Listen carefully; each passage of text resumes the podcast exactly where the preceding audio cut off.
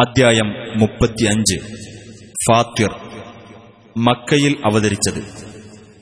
ഒന്നാം വചനത്തിൽ തന്നെ സൃഷ്ടികർത്താവിനെ സംബന്ധിച്ച് പരാമർശിക്കുന്നതിനാലാണ് ഈ അദ്ധ്യായത്തിന് ഇപ്രകാരം പേർ നൽകപ്പെട്ടത്.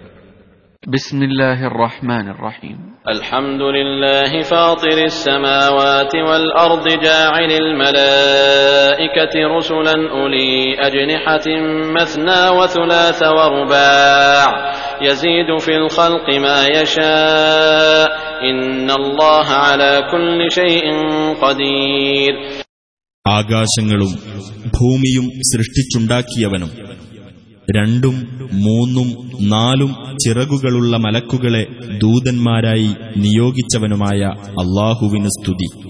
സൃഷ്ടിയിൽ താൻ ഉദ്ദേശിക്കുന്നത് അവൻ അധികമാക്കുന്നു. തീർച്ചയായും അള്ളാഹു ഏത് കാര്യത്തിനും കഴിവുള്ളവനാകുന്നു. ما يفتح الله للناس من رحمة فلا ممسك لها وما يمسك فلا مرسل له من بعده وهو العزيز الحكيم അള്ളാഹു മനുഷ്യർക്ക് വല്ല കാരുണ്യവും തുറന്നു കൊടുക്കുന്ന പക്ഷം അത് പിടിച്ചുവെക്കാൻ ആരുമില്ല അവൻ വല്ലതും പിടിച്ചുവെക്കുന്ന പക്ഷം അതിനുശേഷം അത് വിട്ടുകൊടുക്കുവാനും ആരുമില്ല അവനത്രേ പ്രതാപിയും യുക്തിമാനും يا أيها الناس اذكروا نعمة الله عليكم هل من خالق غير الله يرزقكم من السماء والأرض لا إله إلا هو فأنا تؤفكون മനുഷ്യരെ അള്ളാഹു നിങ്ങൾക്ക് ചെയ്ത അനുഗ്രഹം നിങ്ങൾ ഓർമ്മിക്കുക ആകാശത്തുനിന്നും ഭൂമിയിൽ നിന്നും നിങ്ങൾക്ക് ഉപജീവനം നൽകാൻ അള്ളാഹുവല്ലാത്ത വല്ല സ്രഷ്ടാവുമുണ്ടോ? അവനല്ലാതെ യാതൊരു ദൈവവുമില്ല.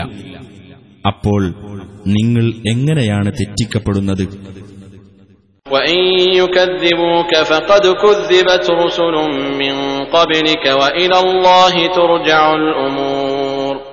അവർ നിന്നെ നിഷേധിച്ചു തള്ളുകയാണെങ്കിൽ നിനക്കു മുമ്പും ദൂതന്മാർ നിഷേധിച്ചു തള്ളപ്പെട്ടിട്ടുണ്ട് അള്ളാഹുവിങ്കലേക്കാണ് കാര്യങ്ങൾ മടക്കപ്പെടുന്നത് يا أيها الناس إن وعد الله حق فلا تغرنكم الحياة الدنيا ولا يغرنكم بالله الغرور മനുഷ്യരെ തീർച്ചയായും അള്ളാഹുവിന്റെ വാഗ്ദാനം സത്യമാകുന്നു ഐഹിക ജീവിതം നിങ്ങളെ വഞ്ചിച്ചു കളയാതിരിക്കട്ടെ പരമവഞ്ചകനായ പിശാജും അള്ളാഹുവിന്റെ കാര്യത്തിൽ നിങ്ങളെ വഞ്ചിക്കാതിരിക്കട്ടെ.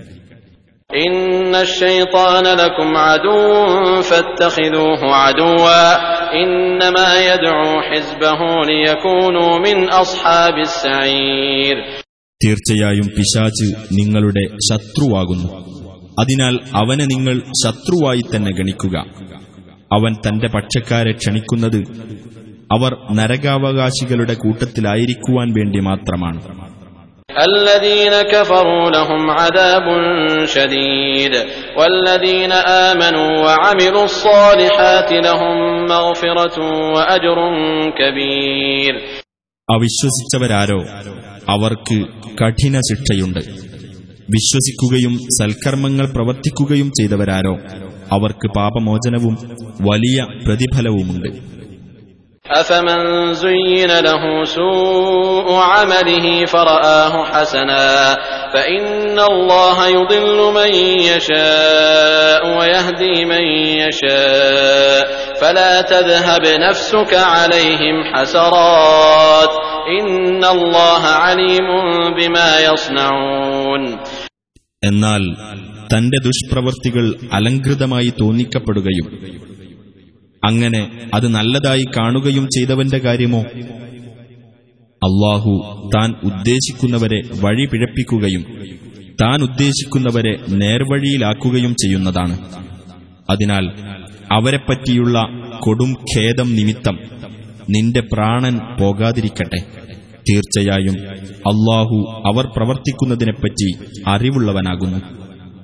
والله الذي أرسل الرياح فتثير سحابا فسقناه إلى بلد ميت فسقناه إلى بلد ميت فأحيينا به الأرض بعد موتها كذلك النشور അള്ളാഹുവാണ് കാറ്റുകളെ അയച്ചവൻ അങ്ങനെ അവ മേഘത്തെ ഇളക്കിവിടുന്നു എന്നിട്ട് ആ മേഘത്തെ നിർജീവമായ നാട്ടിലേക്ക് നാം തെളിച്ചുകൊണ്ടു പോവുകയും അതു മുഖേന ഭൂമിയെ അതിന്റെ നിർജീവാവസ്ഥയ്ക്കു ശേഷം നാം സജീവമാക്കുകയും ചെയ്യുന്നു.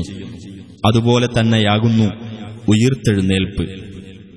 من كان يريد العزة فلله العزة جميعا إليه يصعد الكلم الطيب والعمل الصالح يرفعه والذين يمكرون السيئات لهم عذاب شديد لهم عذاب شديد ومكر أولئك هو يبور ആരെങ്കിലും പ്രതാപം ആഗ്രഹിക്കുന്നുവെങ്കിൽ പ്രതാപമെല്ലാം അള്ളാഹുവിന്റെ അധീനത്തിലാകുന്നു അവങ്കലേക്കാണ് ഉത്തമ വചനങ്ങൾ കയറിപ്പോകുന്നത്. നല്ല പ്രവർത്തനത്തെ അവൻ ഉയർത്തുകയും ചെയ്യുന്നു. ദുഷിച്ച തന്ത്രങ്ങൾ പ്രയോഗിക്കുന്നതാരോ അവർക്ക് കഠിന ശിക്ഷയുണ്ട് അത്തരക്കാരുടെ തന്ത്രം നാശമടയുക തന്നെ ചെയ്യും. والله خلقكم من تراب ثم من نطفة ثم جعلكم أزواجا وما تحمل من أنثى ولا تضع إلا بعلمه وما يعمر من معمر ولا ينقص من عمره إلا في كتاب إن ذلك على الله يسير അള്ളാഹു നിങ്ങളെ മണ്ണിൽ നിന്നും പിന്നീട് ബീജകണത്തിൽ നിന്നും സൃഷ്ടിച്ചു. പിന്നെ അവൻ നിങ്ങളെ ഇണകളാക്കി. അവന്റെ അറിവനുസരിച്ചല്ലാതെ ഒരു സ്ത്രീയും ഗർഭം ധരിക്കുന്നില്ല പ്രസവിക്കുന്നുമില്ല. ഒരു ദീർഘായുസ് നൽകപ്പെട്ട ആൾക്കും ആയുസ് നീട്ടിക്കൊടുക്കപ്പെടുന്നതോ അയാളുടെ ആയുസ്സിൽ കുറവ് വരുത്തപ്പെടുന്നതോ ഒരു രേഖയിൽ ഉള്ളതനുസരിച്ചല്ലാതെ നടക്കുന്നില്ല.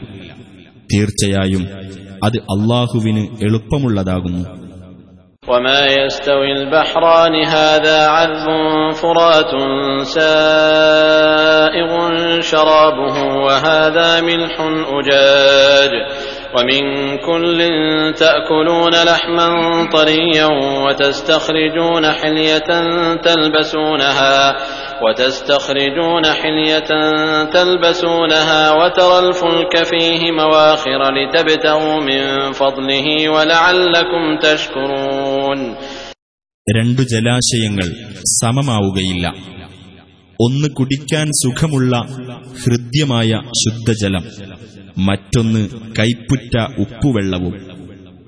രണ്ടിൽ നിന്നും നിങ്ങൾ പുത്തൻ മാംസം എടുത്തു തിന്നുന്നു. നിങ്ങൾക്ക് ധരിക്കുവാനുള്ള ആഭരണം അതിൽ നിന്ന് പുറത്തെടുക്കുകയും ചെയ്യുന്നു. അതിലൂടെ കപ്പലുകൾ കീറിക്കടന്നു പോകുന്നതും നിനക്ക് കാണാം. അള്ളാഹുവിന്റെ അനുഗ്രഹത്തിൽ നിന്നും നിങ്ങൾ തേടിപ്പിടിക്കുവാൻ വേണ്ടിയും നിങ്ങൾ നന്ദി കാണിക്കുവാൻ വേണ്ടിയുമത്രേ അത്. يولج الليل في النهار ويولج النهار في الليل وسخر الشمس والقمر كل يجري لأجل مسمى ذلكم الله ربكم له الملك والذين تدعون من دونه ما يملكون من قطمير രാവിനെ അവൻ പകലിൽ പ്രവേശിപ്പിക്കുന്നു പകലിനെ രാവിലും പ്രവേശിപ്പിക്കുന്നു സൂര്യനെയും ചന്ദ്രനെയും അവൻ തന്റെ നിയമത്തിന് വിധേയമാക്കുകയും ചെയ്തിരിക്കുന്നു. അവയോരോന്നും നിശ്ചിതമായ ഒരു പരിധിവരെ സഞ്ചരിക്കുന്നു. അങ്ങനെയുള്ളവനാകുന്നു നിങ്ങളുടെ രക്ഷിതാവായ അള്ളാഹു അവനാകുന്നു ആധിപത്യം. അവനു പുറമെ ആരോട് നിങ്ങൾ പ്രാർത്ഥിക്കുന്നുവോ? അവർ ഒരു ഈന്തപ്പഴക്കുരുവിന്റെ പാട പോലും ഉടമപ്പെടുത്തുന്നില്ല. إن تدعوهم لا يسمعوا دعاءكم ولو سمعوا ما استجابوا لكم ويوم القيامة يكفرون بشرككم ولا ينبئك مثل خبير നിങ്ങൾ അവരോട് പ്രാർത്ഥിക്കുന്ന പക്ഷം അവർ നിങ്ങളുടെ പ്രാർത്ഥന കേൾക്കുകയില്ല അവർ കേട്ടാലും നിങ്ങൾക്കവർ ഉത്തരം നൽകുന്നതല്ല ഉയിർത്തെഴുന്നേൽപ്പിന്റെ നാളിലാകട്ടെ നിങ്ങൾ അവരെ പങ്കാളികളാക്കിയതിനെ അവർ നിഷേധിക്കുന്നതുമാണ് സൂക്ഷ്മജ്ഞാനമുള്ള അള്ളാഹുവെപ്പോലെ നിനക്ക് വിവരം തരാൻ ആരുമില്ല يا أيها الناس أنتم الفقراء إلى الله والله هو الغني الحميد മനുഷ്യരെ നിങ്ങൾ അള്ളാഹുവിന്റെ ആശ്രിതന്മാരാകുന്നു അള്ളാഹുവാകട്ടെ സ്വയം പര്യാപ്തനും സ്തുത്യർഹനുമാകുന്നു.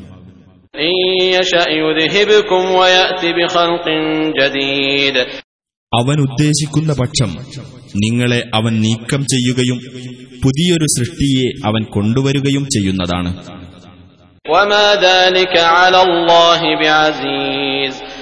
അത് അള്ളാഹുവിന് പ്രയാസമുള്ള കാര്യമല്ല.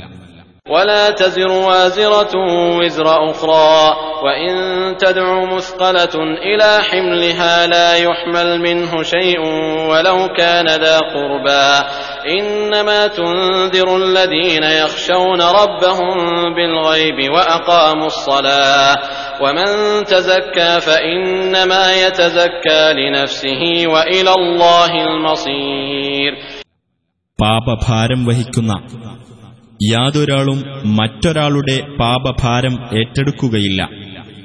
ഭാരം കൊണ്ട് ഞെരുങ്ങുന്ന ഒരാൾ തന്റെ ചുമട് താങ്ങുവാൻ ആരെയെങ്കിലും വിളിക്കുന്ന പക്ഷം അതിൽ നിന്ന് ഒട്ടും തന്നെ ഏറ്റെടുക്കപ്പെടുകയുമില്ല.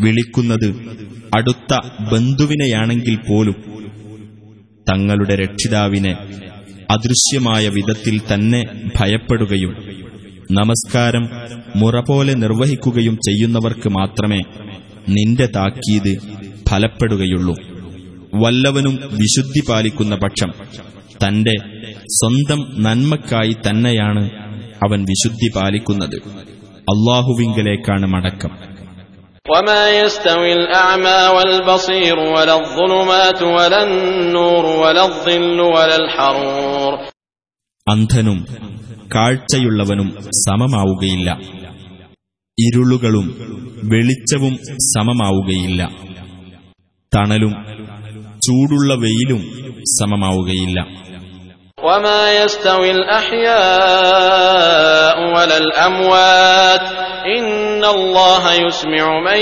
يشاء وما أنت بمسمع من في القبور ജീവിച്ചിരിക്കുന്നവരും മരിച്ചവരും സമമാവുകയില്ല തീർച്ചയായും അള്ളാഹു അവൻ ഉദ്ദേശിക്കുന്നവരെ കേൾപ്പിക്കുന്നു നിനക്ക് കബറുകളിലുള്ളവരെ കേൾപ്പിക്കാനാവില്ല إن أنت إلا نذير നീ ഒരു താക്കീതുകാരൻ മാത്രമാകുന്നു إنا أرسلناك بالحق بشيرا ونذيرا وإن من أمة إلا خلا فيها نذير തീർച്ചയായും നിന്നെ നാം അയച്ചിരിക്കുന്നത് സത്യവും കൊണ്ടാണ്.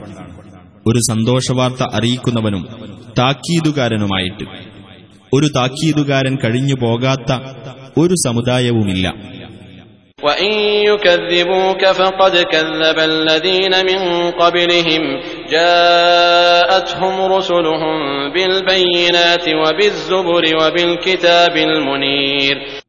അവർ നിന്നെ നിഷേധിച്ചു തള്ളുന്നുവെങ്കിൽ അവർക്ക് മുമ്പുള്ളവരും നിഷേധിച്ചു തള്ളിയിട്ടുണ്ട്. അവരിലേക്കുള്ള ദൂതന്മാർ പ്രത്യക്ഷ ലക്ഷ്യങ്ങളും ന്യായപ്രമാണങ്ങളും വെളിച്ചം നൽകുന്ന ഗ്രന്ഥവും കൊണ്ട് അവരുടെ അടുത്ത് ചെല്ലുകയുണ്ടായി.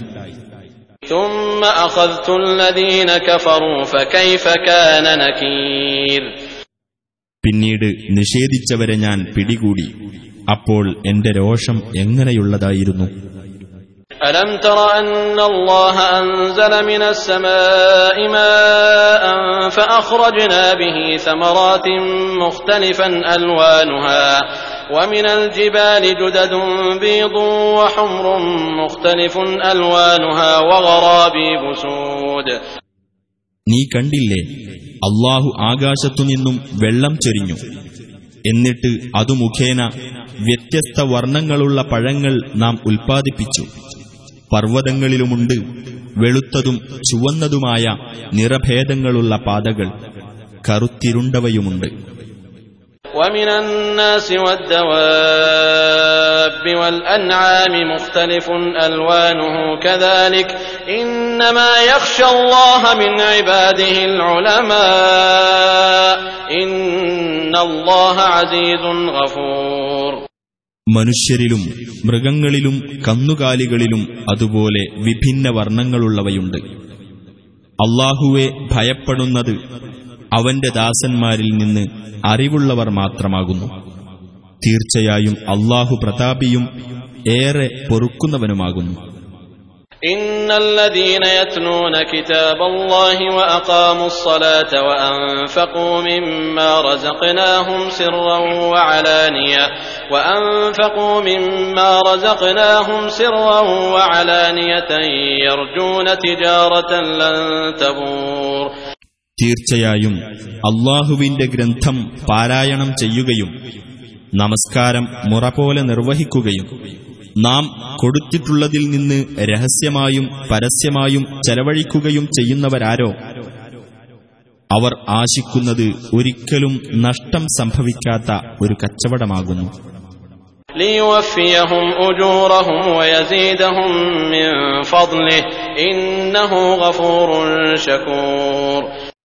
അവർക്ക് അവരുടെ പ്രതിഫലങ്ങൾ അവൻ പൂർത്തിയാക്കി കൊടുക്കുവാനും അവന്റെ അനുഗ്രഹത്തിൽ നിന്ന് അവൻ അവർക്ക് കൂടുതലായി നൽകുവാനും വേണ്ടി തീർച്ചയായും അവൻ ഏറെ പൊറുക്കുന്നവനും നന്ദിയുള്ളവനുമാകുന്നു والذي أوحينا إليك من الكتاب هو الحق مصدقا لما بين يديه إن الله بعباده لخبير بصير നിനക്കു നാം ബോധനം നൽകിയ ഗ്രന്ഥം തന്നെയാകുന്നു സത്യം. അതിന്റെ മുമ്പുള്ള വേദങ്ങളെ സത്യപ്പെടുത്തുന്നതായിട്ട്. തീർച്ചയായും അള്ളാഹു തന്റെ ദാസന്മാരെപ്പറ്റി സൂക്ഷ്മമായി അറിയുന്നവനും കാണുന്നവനുമാകുന്നു. ثم أورثنا الكتاب الذين اصطفينا من عبادنا فمنهم ظالم لنفسه ومنهم مقتصد ومنهم سابق بالخيرات بإذن الله ذلك هو الفضل الكبير പിന്നീട് നമ്മുടെ ദാസന്മാരിൽ നിന്ന് നാം തെരഞ്ഞെടുത്തവർക്ക് നാം വേദഗ്രന്ഥം അവകാശപ്പെടുത്തി കൊടുത്തു അവരുടെ കൂട്ടത്തിൽ സ്വന്തത്തോട് അന്യായം ചെയ്തവരുണ്ട് മദ്യനിലപാടുകാരും അവരിലുണ്ട് അള്ളാഹുവിന്റെ അനുമതിയോടെ നന്മകളിൽ മുൻകടന്നവരും അവരിലുണ്ട് അതുതന്നെയാണ് മഹത്തായ അനുഗ്രഹം جنات عدن يدخلونها يحلون فيها من أساور من ذهب ولؤلؤا ولباسهم فيها حرير സ്ഥിരവാസത്തിനുള്ള സ്വർഗത്തോപ്പുകളിൽ അവർ പ്രവേശിക്കുന്നതാണ്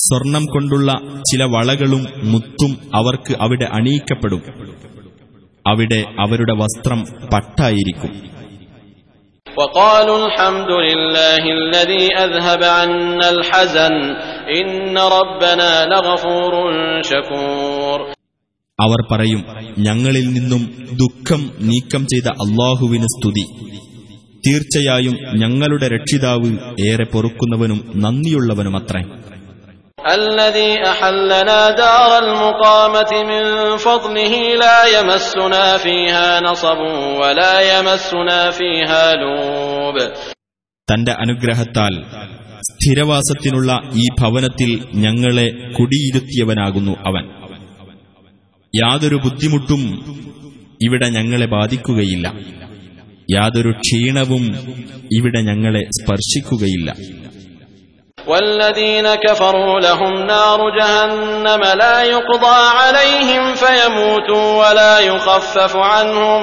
من عذابها كذلك نجزي كل كفور അവിശ്വസിച്ചവരാരോ അവർക്കാണ് നരകാഗ്നി അവരുടെ മേൽ മരണം വിധിക്കപ്പെടുന്നതല്ല എങ്കിൽ അവർക്ക് മരിക്കാമായിരുന്നു അതിലെ ശിക്ഷയിൽ നിന്ന് ഒട്ടും അവർക്ക് ഇളവ് ചെയ്യപ്പെടുകയുമില്ല. അപ്രകാരം എല്ലാ നന്ദികെട്ടവർക്കും നാം പ്രതിഫലം നൽകുന്നു. وهم يصطرخون فيها ربنا أخرجنا نعمل صالحا غير الذي كنا نعمل أولم نعمركم ما يتذكر فيه من تذكر وجاءكم النذير فذوقوا فما للظالمين من نصير അവർ അവിടെ വച്ച് മുറവിളി കൂട്ടും ഞങ്ങളുടെ രക്ഷിതാവേ ഞങ്ങളെ നീ പുറത്തയക്കണമേ മുമ്പ് ചെയ്തിരുന്നതിൽ നിന്ന് വ്യത്യസ്തമായി ഞങ്ങൾ സൽക്കർമ്മം ചെയ്തുകൊള്ളാം. അപ്പോൾ നാം പറയും ആലോചിക്കുന്നവന് ആലോചിക്കാൻ മാത്രം നിങ്ങൾക്ക് നാം ആയുസ് തന്നില്ലേ? താക്കീതുകാരൻ നിങ്ങളുടെ അടുത്ത് വരികയും ചെയ്തു. അതിനാൽ നിങ്ങൾ അനുഭവിച്ചുകൊള്ളുക അക്രമികൾക്ക് യാതൊരു സഹായവുമില്ല ഇന്നല്ലാഹ ആലിമു ഗൈബിസ് സമാവാതി വൽ അർദ് തീർച്ചയായും അള്ളാഹു ആകാശങ്ങളിലെയും ഭൂമിയിലെയും അദൃശ്യകാര്യങ്ങൾ അറിയുന്നവനാകുന്നു. തീർച്ചയായും അവൻ ഹൃദയങ്ങളിലുള്ളത് അറിയുന്നവനാകുന്നു. هو الذي جعلكم خلائف في الأرض فمن كفر فعليه كفره ولا يزيد الكافرين كفرهم عند ربهم إلا مقتا ولا يزيد الكافرين كفرهم إلا خسارا അവനാണ് നിങ്ങളെ ഭൂമിയിൽ പ്രതിനിധികളാക്കിയവൻ ആകയാൽ വല്ലവനും അവിശ്വസിക്കുന്ന പക്ഷം അവന്റെ അവിശ്വാസത്തിന്റെ ദോഷം അവനു തന്നെ അവിശ്വാസികൾക്ക് അവരുടെ അവിശ്വാസം അവരുടെ രക്ഷിതാവിങ്കൽ കോപമല്ലാതൊന്നും വർദ്ധിപ്പിക്കുകയില്ല അവിശ്വാസികൾക്ക് അവരുടെ അവിശ്വാസം നഷ്ടമല്ലാതൊന്നും വർദ്ധിപ്പിക്കുകയില്ല قل أرأيتم شركاءكم الذين تدعون من دون الله أروني ماذا خلقوا من الأرض أروني ماذا خلقوا من الأرض أم لهم شرك في السماوات أم آتيناهم كتابا فهم على بينة منه بل إن يعد الظالمون بعضهم بعضا إلا غرورا നീ പറയുക അള്ളാഹുവിന് പുറമെ നിങ്ങൾ വിളിച്ചു പ്രാർത്ഥിക്കുന്ന നിങ്ങളുടെ പങ്കാളികളെപ്പറ്റി നിങ്ങൾ ചിന്തിച്ചു നോക്കിയിട്ടുണ്ടോ ഭൂമിയിൽ എന്തൊന്നാണവർ സൃഷ്ടിച്ചിട്ടുള്ളതെന്ന് നിങ്ങൾ എനിക്ക് കാണിച്ചു തരിക. അതല്ല ആകാശങ്ങളിൽ അവർക്ക് വല്ല പങ്കുമുണ്ടോ? അതല്ല നാം അവർക്ക് വല്ല ഗ്രന്ഥവും നൽകിയിട്ട് അതിൽ നിന്നുള്ള തെളിവനുസരിച്ചാണോ അവർ നിലകൊള്ളുന്നത്? അല്ല അക്രമകാരികൾ അന്യോന്യം വാഗ്ദാനം ചെയ്യുന്നത് വഞ്ചന മാത്രമാകുന്നു. إن الله يمسك السماوات والأرض أن تزولا ولئن زالتا إن أمسكهما من أحد من بعده إنه كان حليما غفورا തീർച്ചയായും അള്ളാഹു ആകാശങ്ങളെയും ഭൂമിയെയും യഥാർത്ഥ സ്ഥാനങ്ങളിൽ നിന്ന് നീങ്ങാതെ പിടിച്ചു നിർത്തുന്നു അവ നീങ്ങിപ്പോകുകയാണെങ്കിൽ അവനു പുറമെ യാതൊരാൾക്കും അവയെ പിടിച്ചു നിർത്താനാവില്ല തീർച്ചയായും അവൻ സഹനശീലനും ഏറെ പൊറുക്കുന്നവനുമാകുന്നു وأقسموا بالله جهد أيمانهم لئن جاءهم نذير ليكونن أهدى من إحدى الأمم فلما جاءهم نذير ما زادهم إلا نفورا തങ്ങളുടെ അടുത്ത് ഒരു താക്കീതുകാരൻ വരുന്ന പക്ഷം തങ്ങൾ ഏതൊരു സമുദായത്തെക്കാളും സന്മാർഗം സ്വീകരിക്കുന്നവരാകാമെന്ന് അവരെക്കൊണ്ട് സത്യം ചെയ്യാൻ കഴിയുന്നതിന്റെ പരമാവധി അവർ അള്ളാഹുവിന്റെ പേരിൽ സത്യം ചെയ്ത് പറഞ്ഞു. എന്നാൽ ഒരു താക്കീതുകാരൻ അവരുടെ അടുത്തു വന്നപ്പോൾ അത് അവർക്ക് അകൽച്ച മാത്രമേ വർദ്ധിപ്പിച്ചുള്ളൂ. استكبارا في الأرض ومكر السيء ولا يحيق المكر السيء إلا بأهله فهل ينظرون إلا سنة الأولين فلن تجد لسنة الله تبديلا ولن تجد لسنة الله تحويلا ഭൂമിയിൽ അവർ അഹങ്കരിച്ചു നടക്കുകയും ദുഷിച്ച തന്ത്രം കൈക്കൊള്ളുകയും ചെയ്യുന്നതിനാലാണ് അത് ദുഷിച്ച തന്ത്രത്തിന്റെ ഫലം. അത് പ്രയോഗിച്ചവരിൽ തന്നെയാണ് വന്നു ഭവിക്കുക. അപ്പോൾ പൂർവികന്മാരുടെ കാര്യത്തിൽ ഉണ്ടായ നടപടിക്രമമല്ലാതെ എന്താണവർ കാത്തിരിക്കുന്നത്? അള്ളാഹുവിന്റെ നടപടിക്രമത്തിന് യാതൊരു ഭേദഗതിയും നീ കണ്ടെത്തുകയില്ല. അള്ളാഹുവിന്റെ നടപടിക്രമത്തിന് യാതൊരു മാറ്റവും നീ കണ്ടെത്തുകയില്ല. أولم يسيروا في الأرض فينظروا كيف كان عاقبة الذين من قبلهم وكانوا أشد منهم قوة وما كان الله ليعجزه من شيء في السماوات ولا في الأرض إنه كان عليما قديرا അവർ ഭൂമിയിലൂടെ സഞ്ചരിച്ചിട്ട് തങ്ങളുടെ മുൻഗാമികളുടെ പര്യവസാനം എങ്ങനെയായിരുന്നു എന്ന് നോക്കിയില്ലേ അവർ ഇവരെക്കാൾ മികച്ച ശക്തിയുള്ളവരായിരുന്നു ആകാശങ്ങളിലും ഭൂമിയിലുമുള്ള യാതൊന്നിനും അള്ളാഹുവെ തോൽപ്പിക്കാനാവില്ല തീർച്ചയായും അവൻ സർവജ്ഞനും സർവശക്തനുമാകുന്നു ولو يؤاخذ الله الناس بما كسبوا ما ترك على ظهرها من دابة ولكن يؤخرهم إلى أجل مسمى فإذا جاء أجلهم فإن الله كان بعباده بصيرا അള്ളാഹു മനുഷ്യരെ അവർ പ്രവർത്തിച്ചതിന്റെ പേരിൽ ഉടനെ തന്നെ പിടിച്ച് ശിക്ഷിക്കുകയായിരുന്നുവെങ്കിൽ ഭൂമുഖത്ത് ഒരു ജന്തുവേയും അവൻ വിട്ടേക്കുകയില്ലായിരുന്നു എന്നാൽ ഒരു നിശ്ചിത അവധി വരെ അവരെ അവൻ നീട്ടിയിടുന്നു. അങ്ങനെ അവരുടെ അവധി വന്നെത്തിയാൽ അവർക്ക് രക്ഷപ്പെടാനാവില്ല. കാരണം തീർച്ചയായും അള്ളാഹു തന്റെ ദാസന്മാരെപ്പറ്റി കണ്ടറിയുന്നവനാകുന്നു.